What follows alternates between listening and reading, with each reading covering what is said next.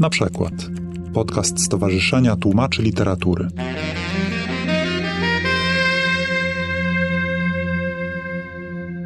Drodzy Państwo, moimi gośćmi są profesorka, germanistka, tłumaczka kilkudziesięciu książek, ale w szerszej publiczności chyba najbardziej znana z przekładów e, baśni braci Grimm, które tutaj Państwo widzą. E, pani profesor Eliza Pieciul-Karmińska. Kolejnym gościem jest profesor Jerzy Koch, niderlandysta, germanista, tłumacz także kilkudziesięciu książek, niezwykle doświadczony, który przed sobą ma swoją książkę Ciało wędrowne Brytona Brytynacha. Kolejnym moim gościem jest pan doktor e, Krzysztof Majer, który akurat wyjątkowo reprezentuje Uniwersytet Łódzki, ale całym sercem jest z Uniwersytetem im. Adama Mickiewicza w Poznaniu. Przed nim stoi książka, o której może Państwo słyszeli, Depesze Michaela Hera. Ostatnim, ale nic za tym nie idzie, jest Sebastian Musiela, który jest absolwentem naszego uniwersytetu, freelancerem, pełnym sercem, tłumaczem z literatury fińskiej, ale także angielskiej, ale fiński chyba, chyba najbardziej emocjonalnie. Także bardzo doświadczony tłumacz. I przed nim stoi, którą książkę dałeś? Cztery drogi. Cztery drogi. A ja się nazywam Kinga Piotrowiak-Junkier, akurat tłumaczę z języka węgierskiego, nie przyniosłam żadnej swojej książki, wstyd mi za to, ale trudno. Y, Co jest tym przekładem i tekstem i tłumaczem jaka jest relacja między nim a tekstem? Oczywiście teorii jest bardzo wiele. I mam do Was takie pytanie, nie mamy zbyt dużo czasu, żeby robić jakiś wstęp, który mógłby ten temat przybliżyć także Państwu. Natomiast może jakoś wyjdzie to, to myślenie i to cały taki teoremat, który się z tym wiąże podczas naszej rozmowy.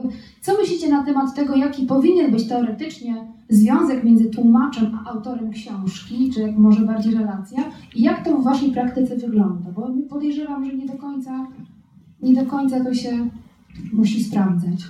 Eliza. To ja zacznę od razu na wysokich tonach. Myślę, że związek miłosny tutaj powinien być między autorem i tłumaczem. A mówiąc tak już poważniej, wydaje mi się, że znaczy każdy z nas pewnie ma swoje własne podejście. Ja mam podejście takiego, e, myślę, rasowego filologa, czyli który patrzy na tekst, ten tekst się wgryza i stara się ten tekst oddać w języku swoim, bez wchodzenia na plan pierwszy. Ja może tak bym to widziała. Ja chciałem powiedzieć od razu, że intymny, ale trochę mnie ubiegłaś.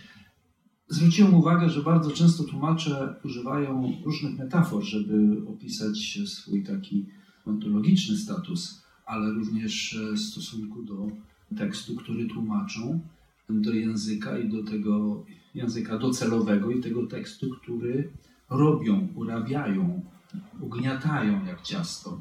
Ten, ten aspekt taki rzemieślniczy czy filologiczny jest bardzo ważny. Ja pamiętam przy jednej książce, którą w latach 90. tłumaczyłem wybitnego holenderskiego autora, taka antykolonialna opowieść z 1860 roku, ona się w BNC ukazała w Osolideum, Max Havelaar. I taka znajoma poetka w Holandii mi powiedziała, ty nie wybrałeś sobie tak najłatwiejszego autora. I ja mówię, wiesz co, ale nigdy nie byłem sparaliżowany tym, że to jeden z waszych, no tak jakby ktoś, nie wiem, Lalka albo pana Tadeusza tłumaczy, prawda? Sztandarowe takie utwory XIX wieku. Ja tłumaczyłem słowa, zdania, obrazy, rozdziały i nigdy nie myślałem, że to wielki autor, którego tłumaczę. Więc ten aspekt rzemieślniczy wydaje mi się jest bardzo ważny, ponieważ on nasze te wzloty i te miłosne uniesienia sprowadza do takiego poziomu, na którym my musimy się poruszać, od, od którego zaczynamy. Więc wydaje mi się, że niezależnie od tego miłosnego czy intymnego stosunku, to jest ten też taki stosunek rzemieślniczy. My chcemy, żeby to wszystko tam funkcjonowało. Przepraszam, że, że przerwę Tobie też, Kosiu, wejdę w głos, bo mam takie pytanie do Ciebie, Elizo, jeszcze i tego, co mówiłeś, Jurku, odnośnie tego, tego takiego, no właśnie, tej miłości, którą czujesz. Czy ona zakłada, że Ty jesteś w 100% posłuszna temu, co widzisz w oryginale i ani troszeczkę nie chcesz w tym, wiesz, po prostu czegoś z tym tekstem zrobić? To znaczy, że jeżeli masz do wyboru na przykład zrobić coś lepiej, albo coś, żeby lepiej zagrało, że widzisz, że jest jakiś potencjał w tekście, to, to korci cię? Czy to ta miłosna relacja powoduje, że ty mówisz, dobrze autorze, zrobię tak, jak sobie życzysz i ani na trochę nie poskubiesz tam czegoś? Wydaje mi się, że tłumacze chyba dzielą się na tych, którzy chcieli być pisarzami, a nie mogli, i tych, którzy są po prostu tłumaczami. No ja jestem po prostu tłumaczką, więc wydaje mi się, że autor jest tutaj najważniejszy. Jeżeli chciałabym poskubać, to być może powinnam napisać własną książkę. Ja bardzo nie lubię, kiedy ktoś zmienia tekst i potem my wyciągamy jako czytelnicy wnioski dotyczące oryginału na podstawie przekładu, który jest e, jakąś tam interpretacją, ale ja oczywiście mówię o jakichś takich granicznych sytuacjach, bo każdy z nas musi cyzelować i starać się przekazać pewną swoistość tekstu we własnym języku, oczywiście nie literalnie, prawda? Bo każdy z nas pewnie szuka metody, w jaki sposób to oddać w naszym języku, żeby był podobny efekt chociażby. Tak, jeżeli ja na przykład tłumaczyłam Ernesta Theodora Amadeusza Hoffmana, P.T.A. Hoffmana, wiem, że on w niemieckim pisze bardzo w sposób zawikłany i trudny. Staram się oczywiście w taki sam sposób zawikłany i trudny pisać po polsku, oczywiście za pomocą innych środków. Tak? Czyli To myślę, też że... bardzo lubią redaktorzy, prawda? Wszystko to, co my oddajemy, jeśli jest zawikłane i poplątane i bardzo erudycyjne w oryginale, natychmiast jest przez redaktorów żelazkim naprowadzane na właściwą drogę. E, Krzysiu, byłeś kolejną osobą. Jeśli, jeśli chcesz jeszcze coś na ten temat powiedzieć. No tu się nawarstwiło parę rzeczy ciekawych teraz.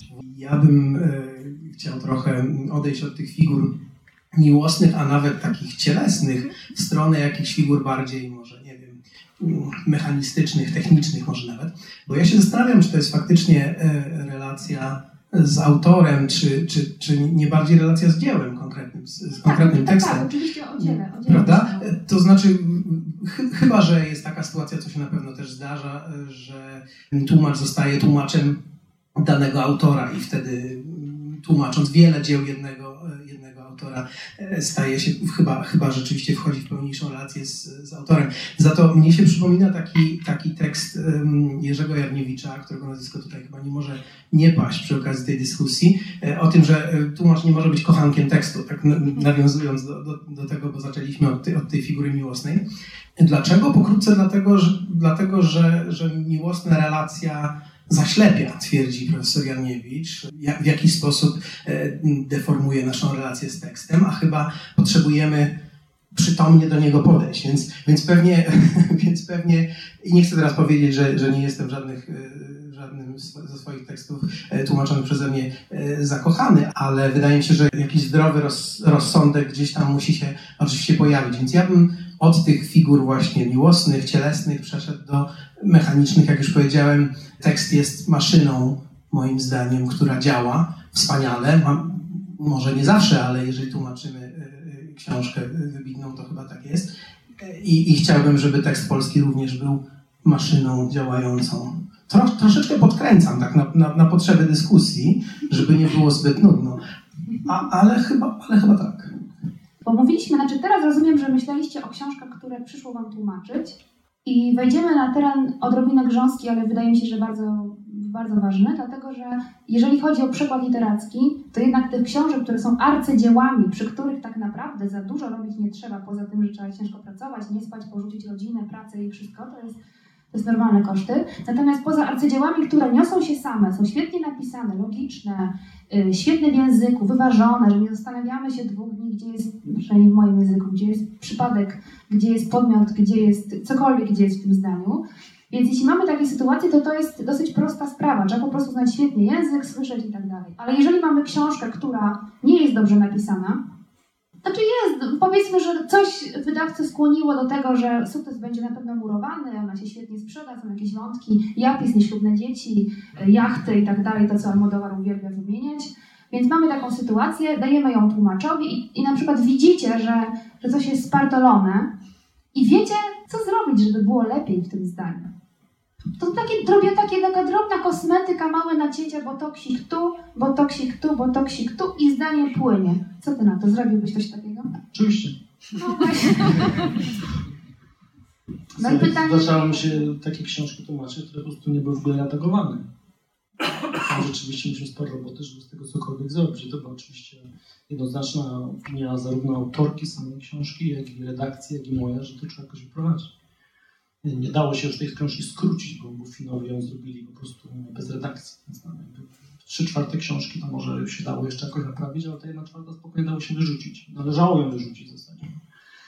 No ja tego zrobić nie mogłem już. Co redakcja zrobiła, to nie wiem. Myślę, że te drużyny zostały. No ale wiedząc, że mam do czynienia z totalnym sportowym dziełem, to że ono miało jakiś potencjał. Tak? Natomiast niestety terminy, te sprawy. Jestem przekonany, że ta książka poszła od razu od, od, od autorki z komputera do składu. W ogóle nikt tego nie ogląda. Jest to totalna masakra. Więc ja z autorką wyjaśniałem po drodze pewne rzeczy. Ona mi dostała rzeczy, które wiedziała, że skopała. Potem miałem przedstawiam trzy razy dłuższą listę rzeczy, które ja zauważam, że ona skopała. Potem jeszcze relakcja czytałem. No świetnie, świetnie, fajne pomysły, ale to trzeba wyrzucić, to trzeba wyrzucić, to trzeba wyrzucić. Także w takiej książce nie ma wątpliwości. Natomiast pewnie są już takie trochę wahania, co zrobić, jak książka jest dobra, generalnie, nie jest skopana. Nie? To nie jest jakiś, jakiś knot.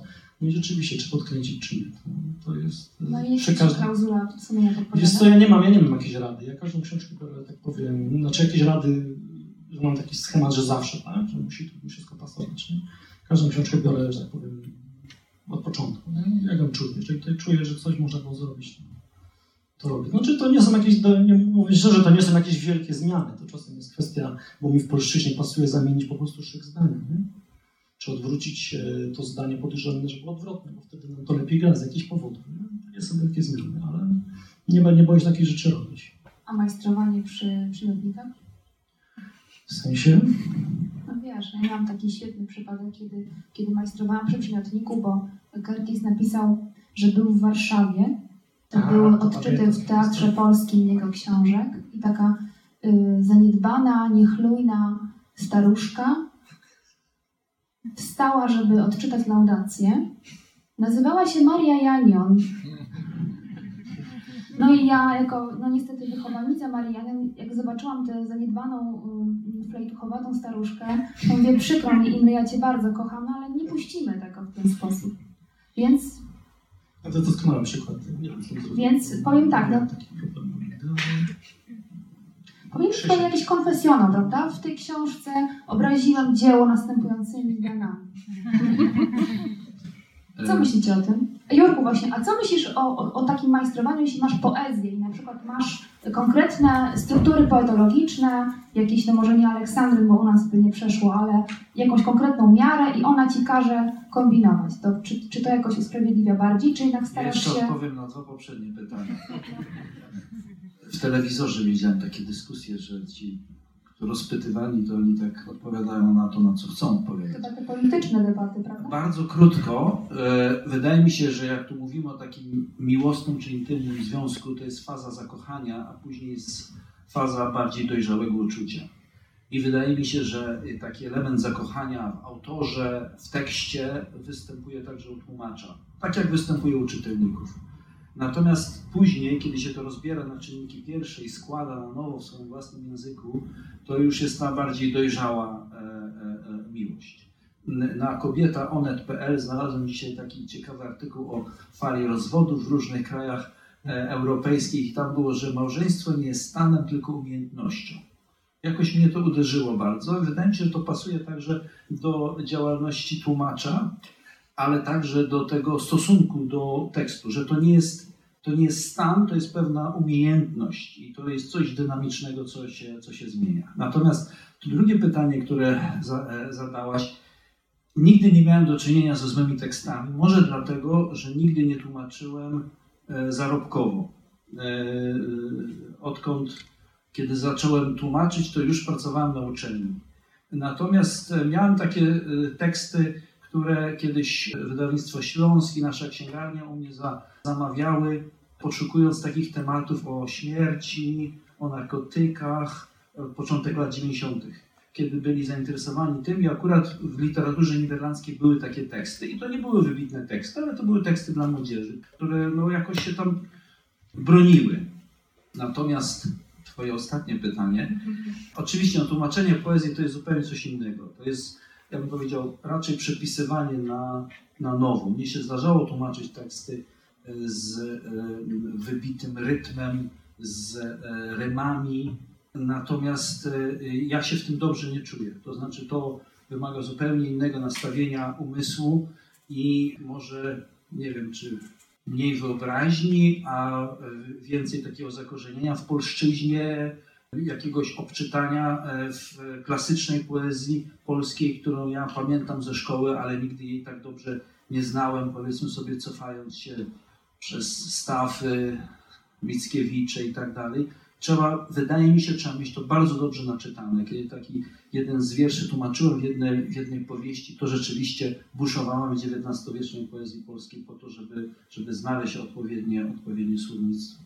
To teraz może zostańmy trochę w tym temacie, a trochę w innym. A mianowicie taka, taka sytuacja, co o tym myślicie? Czy gdybyśmy zaczęli czytać te książki, które przełożyliście hurtem, wasze, to czy możecie powiedzieć, że poznamy wasze słownictwo prywatne, którym lubicie się posługiwać? Czy macie coś takiego, że książka was wyzwala i wy jesteście gotowi bluźnić jak, jak nigdy, albo pozwalacie sobie na jakieś takie, yy, nakład Krzysiu, świetne, świetne pytanie dla ciebie w przypadku twojej ostatniej książki, natomiast jeszcze jest inspe, Natomiast czy, czy coś takiego jest, że Was to wyzwala, czy może jednak y, macie swoje ulubione słownictwo? Jeśli macie do wyboru kilka słów, to jednak wybieracie to, które sami y, y, lubicie i preferujecie. Bo jak wiemy od Bernharda, każdy ma swoje znienawidzone słowa i w życiu ich nie wypowie na głos. To czy to w, w przekładzie funkcjonuje, czy nie? Znaczy ja na pewno o tym nie myślę, chyba, chyba nie myślę o tym w trakcie pracy, e, ale na pewno mam swoje ulubione słowa. Są na przykład takie słowa, które mam zanotowane gdzieś i, i, i mam nadzieję, że kiedyś uda mi się ich użyć, ale jakoś do tej pory się, się nie, nie zdarzyło. No na przykład no, słowa, no frazy. Kinga, sama mi podrzuciłaś jakiś czas temu. Myślisz, że mogę zacytować tutaj? Tak, to, to, to w tym instytucie to To nie są wulgaryzmy akurat, których jest dużo w tej książce. Um, tak, e, Kinga e, opowiadała mi o jakiejś sytuacji, mniejsza o sytuacji. W każdym razie pojawiło... powieści węgierskiej z XX wieku. Tak, streszczenie powieści i, i, w jednym ze zdań, to rozumiem, że student czy studentka słyszę, mm, pojawiło, pojawiło się takie określenie, że no i potem koleś wkląsł. Tak, dobrze? Tak, tak, koleś, koleś wkląsł. No, ja się natychmiast zakochałem. To jeżeli można mówić o miłości, no to ja zapałałem miłością natychmiast do tej frazy i pomyślałem, że jeżeli kiedyś będę miał jakiś dialog e, w, książce. Ja zwykle tłumaczę mm, literaturę amerykańską, gdzie jest bardzo dużo e, języka potocznego, slangu. Więc jeżeli kiedyś będę miał możliwość z tego skorzystać, to, to natychmiast to zrobię. Za to, czy tytuł taki w Twoim wykonaniu na przykład. To musiał własną książkę napisać. Albo po prostu wmusić w przekładzie, że ten tytuł tak. będzie akurat no. Krzysztof Majer, koleś w kląs. No to mi się całkiem podoba. Myślę, że możemy pomyśleć o tym.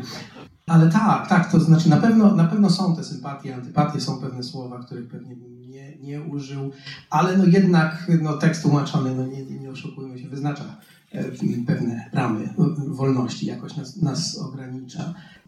Ja miałem takie słowo, które znalazłem, ale to oczywiście utwór z XIX wieku i tuzieniec, żeby nie było tubylec. Strasznie mi się to spodobało, ponieważ książka była z 1860 roku więc użyłem tego tuziemczy, tuziemiec.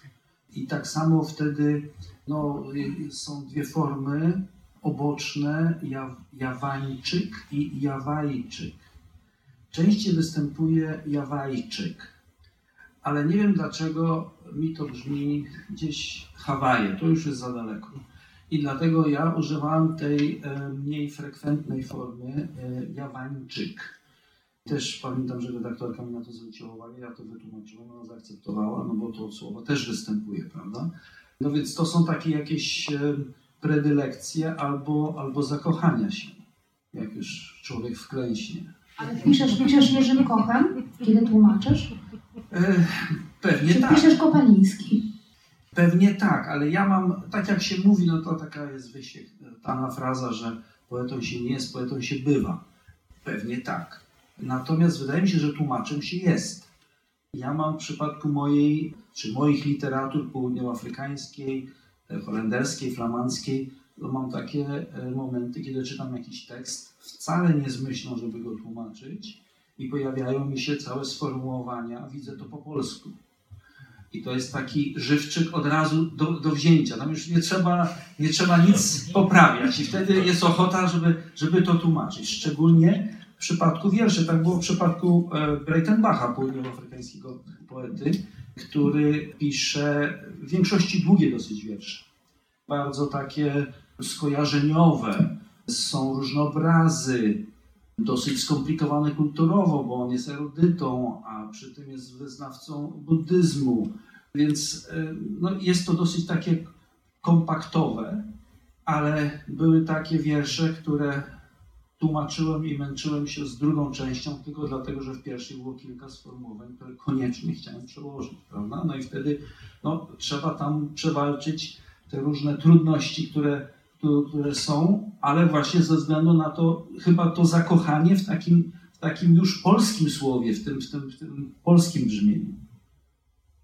Ja myślę, że o Grimach coś musisz powiedzieć, bo tu jest chyba kopalnia. Mam słabą pamięć, już usiłowałam znaleźć właśnie słowa, które bardzo lubię. U Grimmów jest bardzo dużo bardzo ciekawych y, przekleństw, y, takich starodawnych. Niestety nie wydano tego, co zrobiono w Anglii, że wydano książkę ze wszystkimi przekleństwami szekspirowskimi. Ja bym chciała te wszystkie przekleństwa grimowskie y, zobaczyć w jednym miejscu, bo tam wtedy trzeba pracować z huncwotem, z popsinogą, czyli z takimi słowami, których już nie używamy, ale mają taki swój klimat właśnie XIX-wieczny. A jeśli chodzi o ślady, które tłumacz zostawia, to po pierwsze się dowiedziałam z redakcji, że nadużywam słowa faktycznie, bo zawsze jest to u mnie zaznaczone i mniej więcej 40 razy jest użyte.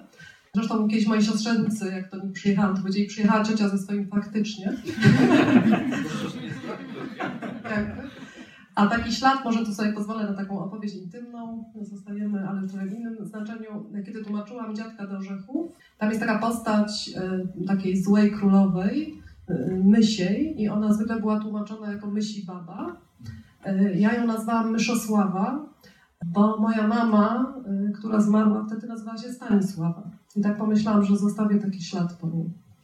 No dobrze, to teraz, ponieważ mamy jakieś, nie wiem ile jest 45 minus 33, ale wydaje mi się, że bardzo mało, więc może zupełnie przeskoczmy do czegoś absolutnie innego. Mianowicie, czy moglibyście powiedzieć, czy są książki, które tłumaczyliście, które jakoś zupełnie Was zmieniły jako ludzi? No bo problem jakby z tłumaczeniem polega na tym, jeśli mogłabym to w jednym zdaniu streścić, że żeby dobrze przełożyć książkę, która, która powiedzmy, że jest jakąś, jakąś fabułą i tworzy jakiś świat, to najlepiej byłoby jakby wiedzieć wszystko na temat tego, jak ten świat funkcjonuje, na jakich prawach się odbywa, y, odbywają jakieś wydarzenia, co się właściwie dzieje, jakie są relacje, więc troszkę taki, taka kreacja całkowita musi w tym przekładzie nastąpić, ponieważ próbujemy na nowo ten świat zbudować także w swoim rodzimym języku. No i oczywiście, kiedy patrzymy, jak jest świat zbudowany, to podejrzewam, że w tej takiej teogonii jakiejś tekstowej jest oczywiście też pewne rozpoznanie tego, na czym y, ta filozofia pisarza może polegać. Czy mieliście jakieś takie książki, które przeniknęły do waszej wyobraźni albo sprawiły, że na coś patrzycie inaczej. Że ta filozofia książki jednak podziałała nie tylko zawodowo, ale przeniknęła też do skorupy. Sebastianie? Mam mikrofon, to już powiem. To znaczy myślę, że to jest tak, nie pamiętam takiej książki z tych 70 paru, które były akurat mnie jakoś tak, ale może właśnie dlatego, że nie pamiętam, jeszcze to narasta, wiesz, to narasta i, i sobie gdzieś tam siedzi, nie? I potem z tego korzystamy podświadomie, nawet nie wiedząc, taka jest moja teoria. Ja myślę, że bardziej te tłumaczenie i wchodzenie w ten świat y, kolejnego pisarza, czy tego samego kolejnej książki, tego samego pisarza, to jest raczej tak jakby e, ja to odbieram jako odgrywanie roli. To znaczy tak, aktor, bardziej myślę, że tłumaczenie często jest grą aktorską, to znaczy czytamy książkę i zaczynają nam te postaci mówić same w głowie, co ja tak mam. Nie? Także ja taktycznie nie za wiele muszę tam robić. Nie? E, oczywiście, trochę nawiązując do poprzedniego pytania twojego, trzeba uważać, żeby za dużo siebie tam nie dawać, Czyli czasem jak jednak ci aktorzy mówią trochę za bardzo no, to trzeba trochę to urozmaicić, bo co między innymi wiemy w świetnym przykładzie, który powiedziała nam Liza, mamy takie maniery swoje i pewne rzeczy, nadużywamy pewne rzeczy i jestem przekonany, że mamy swój język. To nie jest tak, że piszemy każdego autora inaczej. Zawsze piszemy go sobą. To jest na 100%. Może się bardzo pilnujemy i robimy totalną jakąś, wiesz, autokreację czy rekreację, że tworzymy zupełnie coś przeciwnego sobie. Wtedy tak, ale generalnie jeżeli sobie na ludzie tłumaczymy, to zawsze piszemy sobą i mamy, to można pewnie jakoś algorytmicznie zbadać, mamy, przypuszczam, określony zasób słownictwa, ulubione połączenia wyrazowe i tak dalej, i tak. Myślę, że, ale to, to jest styl tłumacza, tak samo jak jest styl autora i ja myślę, że nie ma co się obawiać, bo, bo inaczej byśmy podobali wszyscy takie homogeniczne tłumaczenia, gdyby, gdyby, gdybyśmy byli tacy sami. A, a cały polega na tym, że, że, że Krzysiek tłumaczy jak Krzysiek, Jurek tłumaczy jak Jurek, i Kinga tłumaczy jak Kinga i tak dalej. A Eliza tak jak tłumaczy? Eliza, Eliza tłumaczy najlepiej.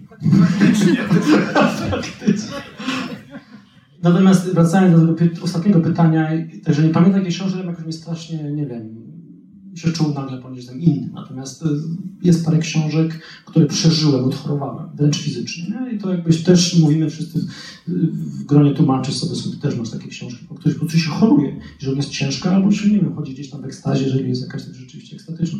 Ja miałem parę lat temu z taką książką, nie wiedzą co czynią, jednego z chińskich autorów, takich bardzo dobrych, powiedziałbym. I tam jest tak silnie, tak dobrze przedstawiona relacja, patologiczna relacja dwojga ludzi i jak to oddziałuje na ich syna, że ja mając jakby, no nie tyle podobno, bo moje relacje z żoną są świetne, ale jakby potrafiąc się wczuć w rolę tego ojca, który jakby w jakiś sposób traci kontakt z dzieckiem przez żonę, E, strasznie powiem Ci w to wszedłem i to jest tak świetnie pokazane, tak świetnie opisane. Jeszcze już my się w tym grzebiemy, tak, bo, bo tłumacz sobie, no, czy, czy ten przeczyta powiedzmy, nie wiem, 2-3 dni, nie? a my w tym siedzimy 2-3 miesiące, 4 miesiące, nie? To, to strasznie gdzieś tam siedzi, nie? Także potem byłem trochę chory. No tak, no bo tłumacz jeszcze ma, ma te, ten niezbyt sympatyczny punkt wyjścia, że nie może przeskoczyć akapitu, którego demoralizują ani miażdżą, tylko musi niestety brnąć. No właśnie. Chociaż miałem taki przykład. Miałem taki przykład kiedyś, bo e, która z moich koleżanek po fachu tłumaczyła książkę literackiego, ja dostałem to do poprawki. Bo to za tak zawsze robią, wiesz, to jest takie dobre wydawnictwo literackie, jeszcze jedno ostatnio taką filologiczną analizę książek, znaczy proszą nawet do siebie, mnie też sprawdzają. Każde tłumaczenie idzie do kogoś ze środowiska i, i on czyta i pierwsze dwa, trzy rozdziały sprawdza, jak to jest wszystko ok, to należy sprawdzać. A w trzecim zawsze jest najgorzej. No wiesz, no, trzeba, trzeba się starać przed dwa, a potem nas napuścić. No i, i, i miała duży problem ze sceną erotyczną. Tam było mnóstwo rzeczy powycinanych.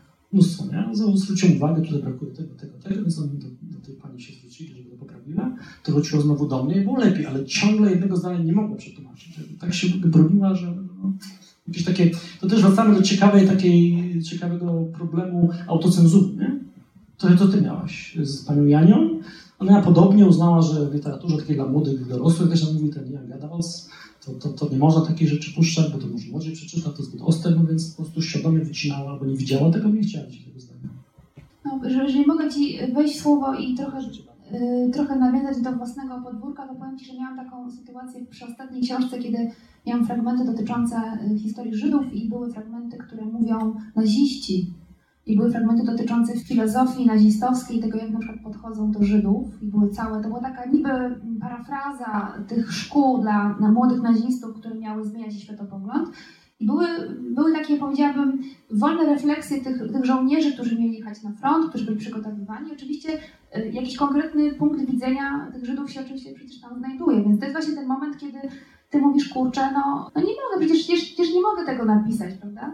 Bo ty, to zdanie funkcjonuje, ja wiem, że tak jest w oryginale wiadomo, że, trzeba to w końcu zrobić, ale jest ten problem, że jednak nie tłumaczy maszyna, tylko tłumaczy żywy człowiek, który jednak jakiś, jakiś punkt widzenia ma i no właśnie.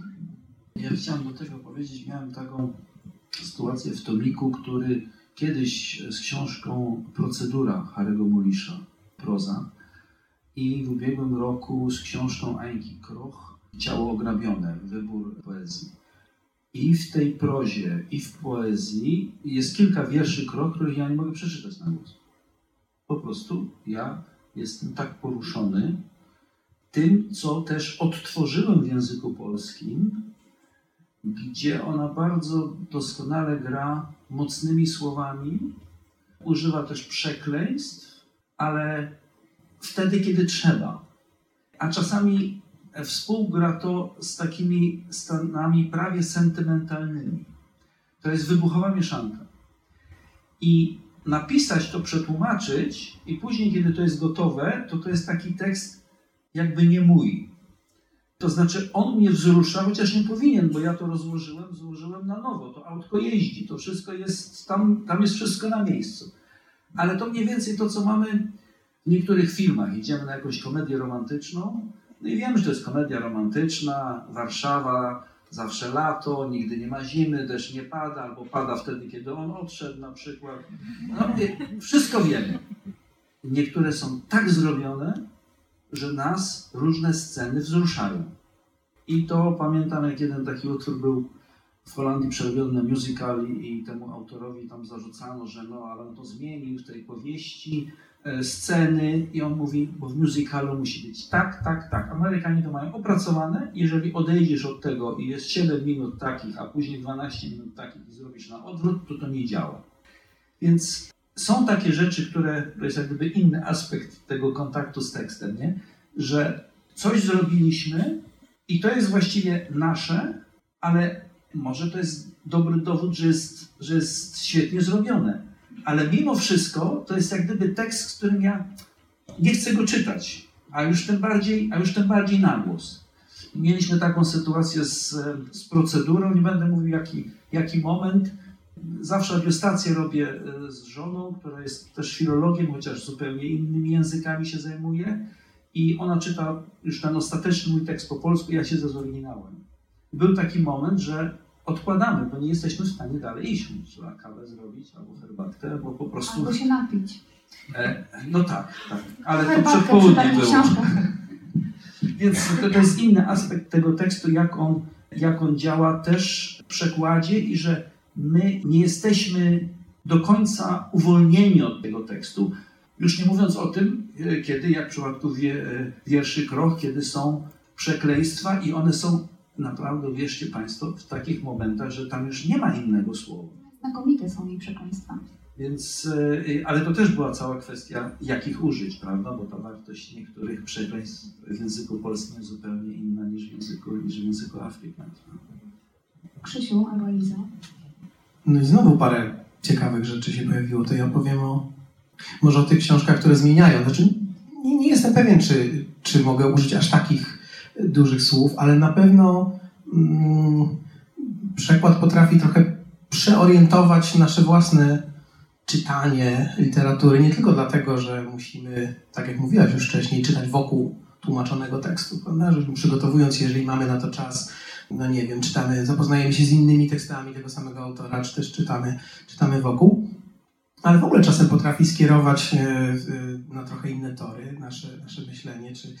I ja mogę podać taki przykład e, książki, która nie tyle zmieniła, co, co, co przypomniała mi siebie samego sprzed lat wielu, dlatego że parę lat temu zdarzyło mi się tłumaczyć dwa tomy korespondencji mm, Alena Ginsberga. Jeden to jest tom, tom listów Ginsberga, Ginsberga i Kerouaka, drugi to jest tom korespondencji Alana Ginsberga z różnymi ludźmi. No i to zlecenie się pojawiło w takim momencie, kiedy ja już, no, myślę, że dobre 20 lat e, miałem do Ginsberga stosunek taki no, różny. To znaczy, to, jest, to był pisarz dla mnie niezwykle ważny kiedyś, kiedy miałem lat, zwłaszcza naście, nie wiem, 17, 18, być może jeden z najważniejszych, ale trochę zapomniałem o nim i trochę, trochę go sobie gdzieś tam ułożyłem. Oczywiście on się pojawiał na, na zajęciach literatury amerykańskiej, które, które prowadzę, ale to właśnie nie było już to zakochanie. Ja nie wiem, czy można w ogóle się zakochać w jakimś tekście tak, jak się kocha wtedy, kiedy ma się lat właśnie 15 czy 16 i przeżywa się jakieś pierwsze swoje mm, odkrycia miłosne, literackie. Więc nie, nie, zastanawiałem się nad tym, czy, czy przyjąć to zlecenie z, z kilku powodów. Wydawało mi się bardzo, bardzo wymagające, bardzo to był duży tekst, ale też dlatego, że zastanawiałem się, czy, czy ten Ginsberg, krótko mówiąc, jeszcze ciągle mnie tak bardzo interesuje. Rajcuje, o, dziękuję. Tutaj ta strona podpowiada mi cały czas właśnie me, metafory emocjonalnej, cielesnej. Ja trochę zaczynam przechodzić, widzicie, na waszą stronę, zaczynam mówić o jakiejś miłości i odkryciach. No właśnie, i ta książka, ta książka mi zrobiła coś o tyle, że, że, że ja ten beat, literaturę beatu odkryłem naprawdę na nowo. Znaczy ja przeczytałem jeszcze raz po 20 latach e, w drodze Kerouaka, Włóczęgu Darmy, e, no mnóstwo tej literatury beatu. Nie wszystko to się, się, wydaje mi się, trzyma, część się bardzo zestarzała. Ale niektóre z tych tekstów czytałem zupełnie inaczej. I, i, i ten Ginsberg mi się odsłonił jako, jako jednak znacznie bardziej złożona postać niż, niż, niż mi się wydawało kiedyś. Więc w tym sensie jest to zmiana, to znaczy można odkryć coś, co już się kiedyś odkryło i wydawało się, że, że się już zakopało gdzieś za, za, za sobą nagle. To tylko powiem je- jedno słowo na, na temat tej książki, która tu stoi, czyli Depesze. Y, Odchorowałem ją rzeczywiście w pewnym sensie, tak jak Sebastian mówi, to jest, to jest niezwykle e, brutalny i przejmujący właściwie reportaż, powieść, trudno powiedzieć, co to jest o wojnie w Wietnamie. Na pewno był taki moment, kiedy sroki za, za oknem hałasowały, a mnie to już brzmiało jak serię z karabinu i wydawało mi się, że może to jest ten moment, kiedy, kiedy może trzeba sobie odpocząć od tej książki, wreszcie ją wypchnąć, dać ją redaktorom do czytania, bo, bo już może trochę, trochę za dużo. Niezdrowe to było. Eliza? Będę się trzymała teraz tego zdrowia psychicznego. Opowiem anegdotę, którą zawsze opowiadam, ale myślę, że jest e, niezła. E, kiedyś zostałam zaproszona na spotkanie z psychiatrami, którzy pracują z baśniami braci Grimm. Bo jest to bardzo nośne e, medium, można z każdym porozmawiać. Jak ktoś ma na przykład kłopoty z ekspansywną żoną, to wtedy się robi z nim baśń o rybaku i jego żonie. Jak ktoś ma słabego ojca, to baśń o kopciuszku. Każdy zna te baśnie, one są taką przestrzenią, w której można się jakby poruszać. I na zakończenie tego spotkania wstał jeden z psychiatrów i z kamienną twarzą, potem się okazało, że to nie był żart, ja myślałam, że to jest żart, powiedział, czy pani w trakcie pracy nad przekładem była pod opieką psychiatry? Y, ja myślałam, że to jest żart, roześmiałam się i się okazało, że on mnie bardzo poważnie pytał, bo powiedział, że powinnam była być pod opieką psychiatry, E, gdyż każda z baśni jest tak silna, jest tak, e, jakby z baśnią idziemy, jeżeli tłumaczymy baśnię, ją czytamy, to wykonujemy taką drogę z tym bohaterem, też Bettelheim mówił, że tak naprawdę główna, e, jakby główny walor baśni polega na tym, że my się utożsamiamy z protagonistą, razem z nim tego smoka pokonujemy i na końcu prawda, zaznajemy zwycięstwa. To tylko tak a propos zdrowia psychicznego, że to może, może na nas wpłynąć. I chciałam tylko jeszcze tylko jedną rzecz przeczytać, której nie mogę czytać głośno, ale może mi się uda E, to jest taka baśń o drzewie jałowca, gdzie e, kobieta zamordowuje swojego pasierba, e, obcina mu głowę, potem tą głowę nasadza na korpus, żeby jej córka myślała, że to ona tego chłopca zabiła i żeby potem ją namówić, żeby razem go ugotowały i podały ojcu do jedzenia. Więc tak mniej więcej wygląda fabuła tej baśni o drzewie jałowca. Podobno bardzo stara baśń i ten chłopiec na szczęście ożywa, jest ptaszkiem, który wyśpiewuje swój smutny los i tam jest taki wierszyk, który brzmi Zabiła mnie matka i ugotowała, zrobiła potrawę, ojcu ją podała, a siostra Marlenka kosteczki zebrała, poszła pod jełowiec i tam pochowała. Tak to mniej więcej idzie. E, puenta jest taka, że jest to ulubiona baśń moich dzieci. To chyba musisz powiedzieć jeszcze, że to są tłumaczenia oryginałów, a nie te y, y, wersje, które my znamy tak, no to jest to już, to już jest ten prawdziwy tekst, tak to mniej więcej brzmi. O matko, proszę Państwa, czy mają Państwo jakieś pytania? Chciałam zapytać, czy Państwo spotkaliście się z taką sytuacją, czytając tłumaczenie kogoś tam, a znając oryginał, czy mieliście ochotę niektóre zdania, wyrazy zmienić? No, to jest bardzo ciekawe i delikatne pytanie, myślę, dla nas, ale, ale oczywiście ekscytujące, więc, więc ja się ja postaram się odpowiedzieć, a potem myślę, że do, dodacie do tego. Zacznę od tego, że ja jak czytam swoje własne przekłady, to mam ochotę pozmieniać, więc, więc, może, więc może to mnie trochę zabezpieczy przed tym, co, co powiem zaraz. Wydaje mi się, że, że jeżeli jest się tłumaczem, to jest troszkę taka nieuleczalna choroba, znaczy czyta się inaczej zupełnie. Podchodzi się w ogóle do tekstu jako do jakiegoś takiego pola, na którym można zmieniać. Myślę, że, prawda? Myślę, że się zgodzicie ze mną, że, że w ogóle jak człowiek zaczyna tłumaczyć, to, to, to przestaje czytać, no oczywiście przestaje czytać w jakiś sposób e, naiwnie, zaczyna czytać właśnie no, krytycznie pod wieloma względami. No i tak, i ta potrzeba zmieniania, poprawiania e, się pojawia i pani e, spytała, czy, e, czy, czy tak jest, jeżeli znamy oryginał. No to jest ta najbardziej optymistyczna wersja, ale często jest tak, że nie znamy oryginału, ale i tak chcielibyśmy pogrzebać trochę.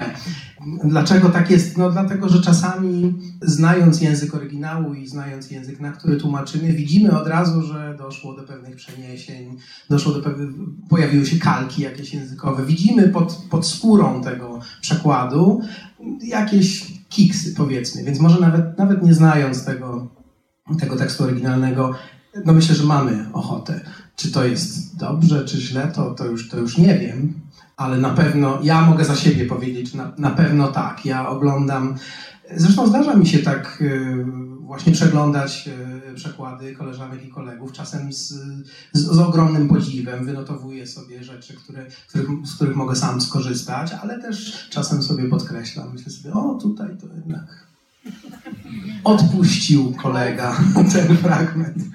No, tak, przepraszam. Myślę, że oni robią to samo, jest, jestem pewien nawet. No to, to chyba jest wartościowe, to znaczy, no to, to wszystko, mam nadzieję, zmierza do tego, żebyśmy byli lepszymi tłumaczami, wszyscy razem. To, to taka świadomość, że, że ktoś się nam przygląda, że ktoś sprawdza, że ktoś czuwa, myślę, że działa motywująco, tak sądzę. Trochę się boimy, ale trochę jesteśmy zmotywowani. Ja, żeby tu przyjechać, to się oderwałem od e, pracy. Otrzymuję z Fundacji e, Flamandzkiej i Holenderskiej e, regularnie teksty młodych tłumaczy, którzy chcą znaleźć się na liście tej holenderskiej czy flamandzkiej, z której tak samo polscy wydawcy korzystają ale czasami, kiedy Holendrzy na przykład dofinansowują wydanie jakiejś książki, to także oceniają ten przekład. No chyba tylko w przypadku bardzo wybitnych tłumaczy tego nie, tego nie robią, ale podejrzewam, że bardzo często jest to, jest to robione, no, że tak powiem, z marszu. Więc oderwałem się od takiego porównywania i jest to bardzo pouczająca lektura. Akurat e, taki tekst analizowałem, który jest dość dobrze prze, przełożony, ale w wielu miejscach ja najpierw czytam polski, i sobie na czerwono zaznaczam różne miejsca i potem sprawdzam po niderlandzku, jak to jest. No i muszę napisać oczywiście sprawozdanie. E, to jest płatne, nawet od roku więcej niż, e, niż poprzednio, bo oni tam mi się wydaje, że to w ciągu dnia można takich kilkanaście stron przeczytać i porównać w obu językach. No nie da rady tego zrobić za 50 euro. E, to trzeba jednak dłużej popracować nad tym. I to są bardzo ciekawe doświadczenia, więc nie tylko w przypadku czytania przekładów zauważa się coś, co jest, a czasami się nie zauważa, jak po iluś stronach, ale się gładko czyta. Do, dobry przekład, nigdzie nic nie ma tam chropowatego, a czasami są takie, takie rzeczy, no i ja regularnie w ciągu roku dostaję co najmniej kilka, a czasami nawet więcej takich próbek przekładowych, głównie prozy.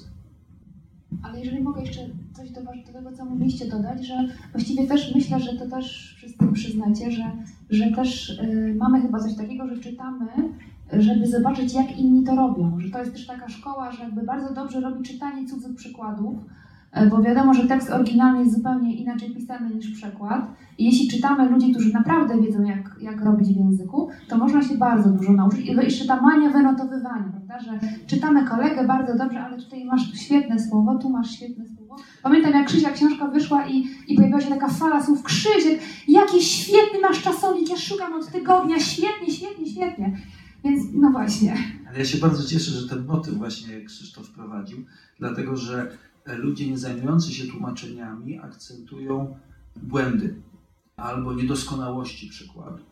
E, natomiast my musimy założyć, bo inaczej byśmy nie wykonywali tej pracy, e, że wszystko jest przekładalne. Czasami my nie jesteśmy w stanie tego dobrze przełożyć. E, stosujemy jakieś półśrodki, tu laseczka, tam się opieramy o coś, a czasami po prostu figury na, figury, figury na łyżwach najróżniejsze. I wydaje mi się, że w krytyce przykładu także powinno być w większym stopniu uwzględniane, powinny być uwzględniane osiągnięcia. To, co jest kongenialnie przełożone. I tego jest bardzo wiele, tylko tego się nie widzi, dlatego że po tym się prześlizguje czytelnik. Krytyk bardzo często też. Ja tłumaczyłem taką książkę wiele lat temu, ona się nazywa Psalm Flamandzki, tytuł oryginału jest Psalm Chłopski, ale w Ludowej Spółdzielni Wydawniczej powiedzieli, proszę pana, nie przejdzie, to się nie sprzeda. Więc Psalm Flamandzki. I e, to jest w dialekcie napisane, w takim quasi-dialekcie. Ja oczywiście tego nie mogłem przełożyć na quasi-dialekt ale ponieważ jest jedna osoba, która to mówi cały czas, takie, takie opowiadanie w pierwszej, pierwszej osobie, więc musiałem coś z tym tekstem zrobić. I tu przyznaję się, już się publicznie przyznawałem do tego, że w różnych sformułowaniach, które tam były, różne frazologizmy, ja podkręcałem do przysłów. Kupiłem sobie wtedy Krzyżanowskiego, tam te cztery tomy i tylko buszowałem w tym, szukałem, szukałem rzeczy. I mój kolega we Wrocławiu e, dał to kiedyś do porównania w, w, pracy magisterskiej. No i oczywiście, czym się zajął student pod kierunkiem profesora? No, słowo w słowo, ale Koch tutaj, o nie, coś za dużo tam zrobił, a tutaj my tłumaczymy słowa, zdania, obrazy, ale też cały tekst. I niektóre środki zastosowane są ekwiwalentne dla całości tekstu.